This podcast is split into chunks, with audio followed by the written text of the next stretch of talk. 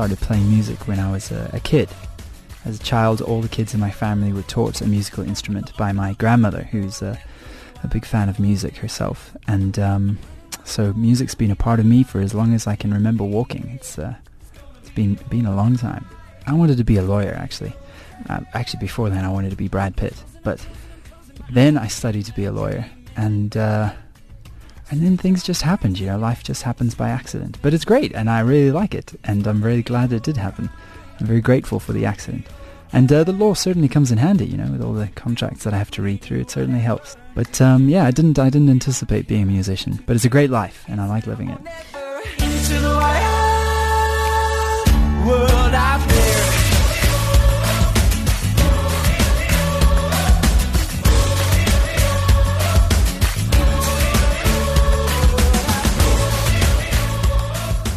I, w- I would say I, I coexist because I live in New York City, mm. but I'm still a still a South African at heart. Of course, and this is home. I mean, there's nothing like a, a heartfelt storm that's currently brewing, brewing outside the windows. It's just uh, we don't get the same thing in New York, yeah?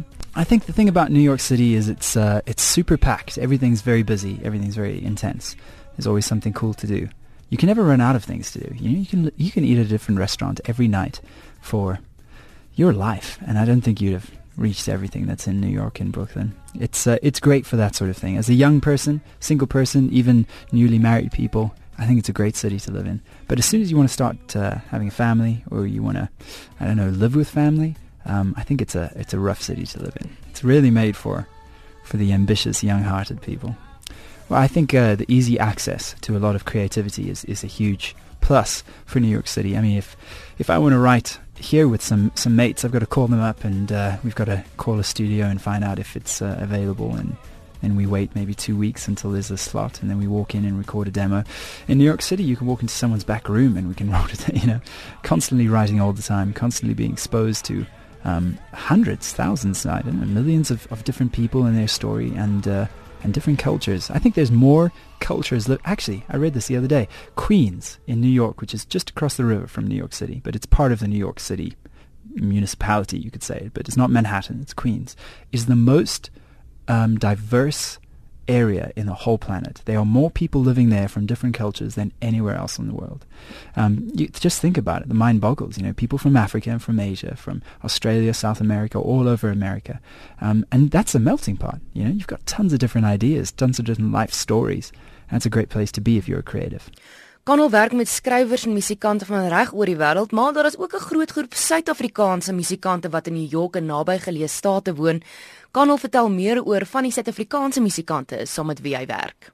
The wine store right across from my house is constantly sold out of our South African wine. So I think even where I live, there is a huge South African contingent who is wiping out all the wine supplies there. But um, I'm good friends with uh, guys like Greg Borowski. He's uh, moved there to do theatre, and we work together all the time. Um, Pearl Tusi and Trevor Noah, but he never answers my phone calls.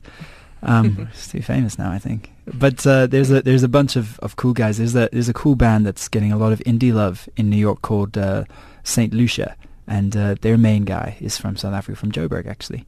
And uh, and we write a lot. Um, I think the thing about South Africans, and maybe this is true of any culture, as soon as you move to a different city, you gravitate towards people who know what you know mm. and speak the same language you speak. In fact, one of my favorite restaurants in New York is called Braai. It's a South African themed restaurant although the wine there is terribly expensive. You know Chocolate Block, you know that wine? Here you can get it in the store, even at Woolworths, you can get a chocolate block for like 150 rands. Mm. $99 oh, wow. if you wanted to buy it in Braai. So other than that, other than the prices, um, New York's a, a really cool South African spot.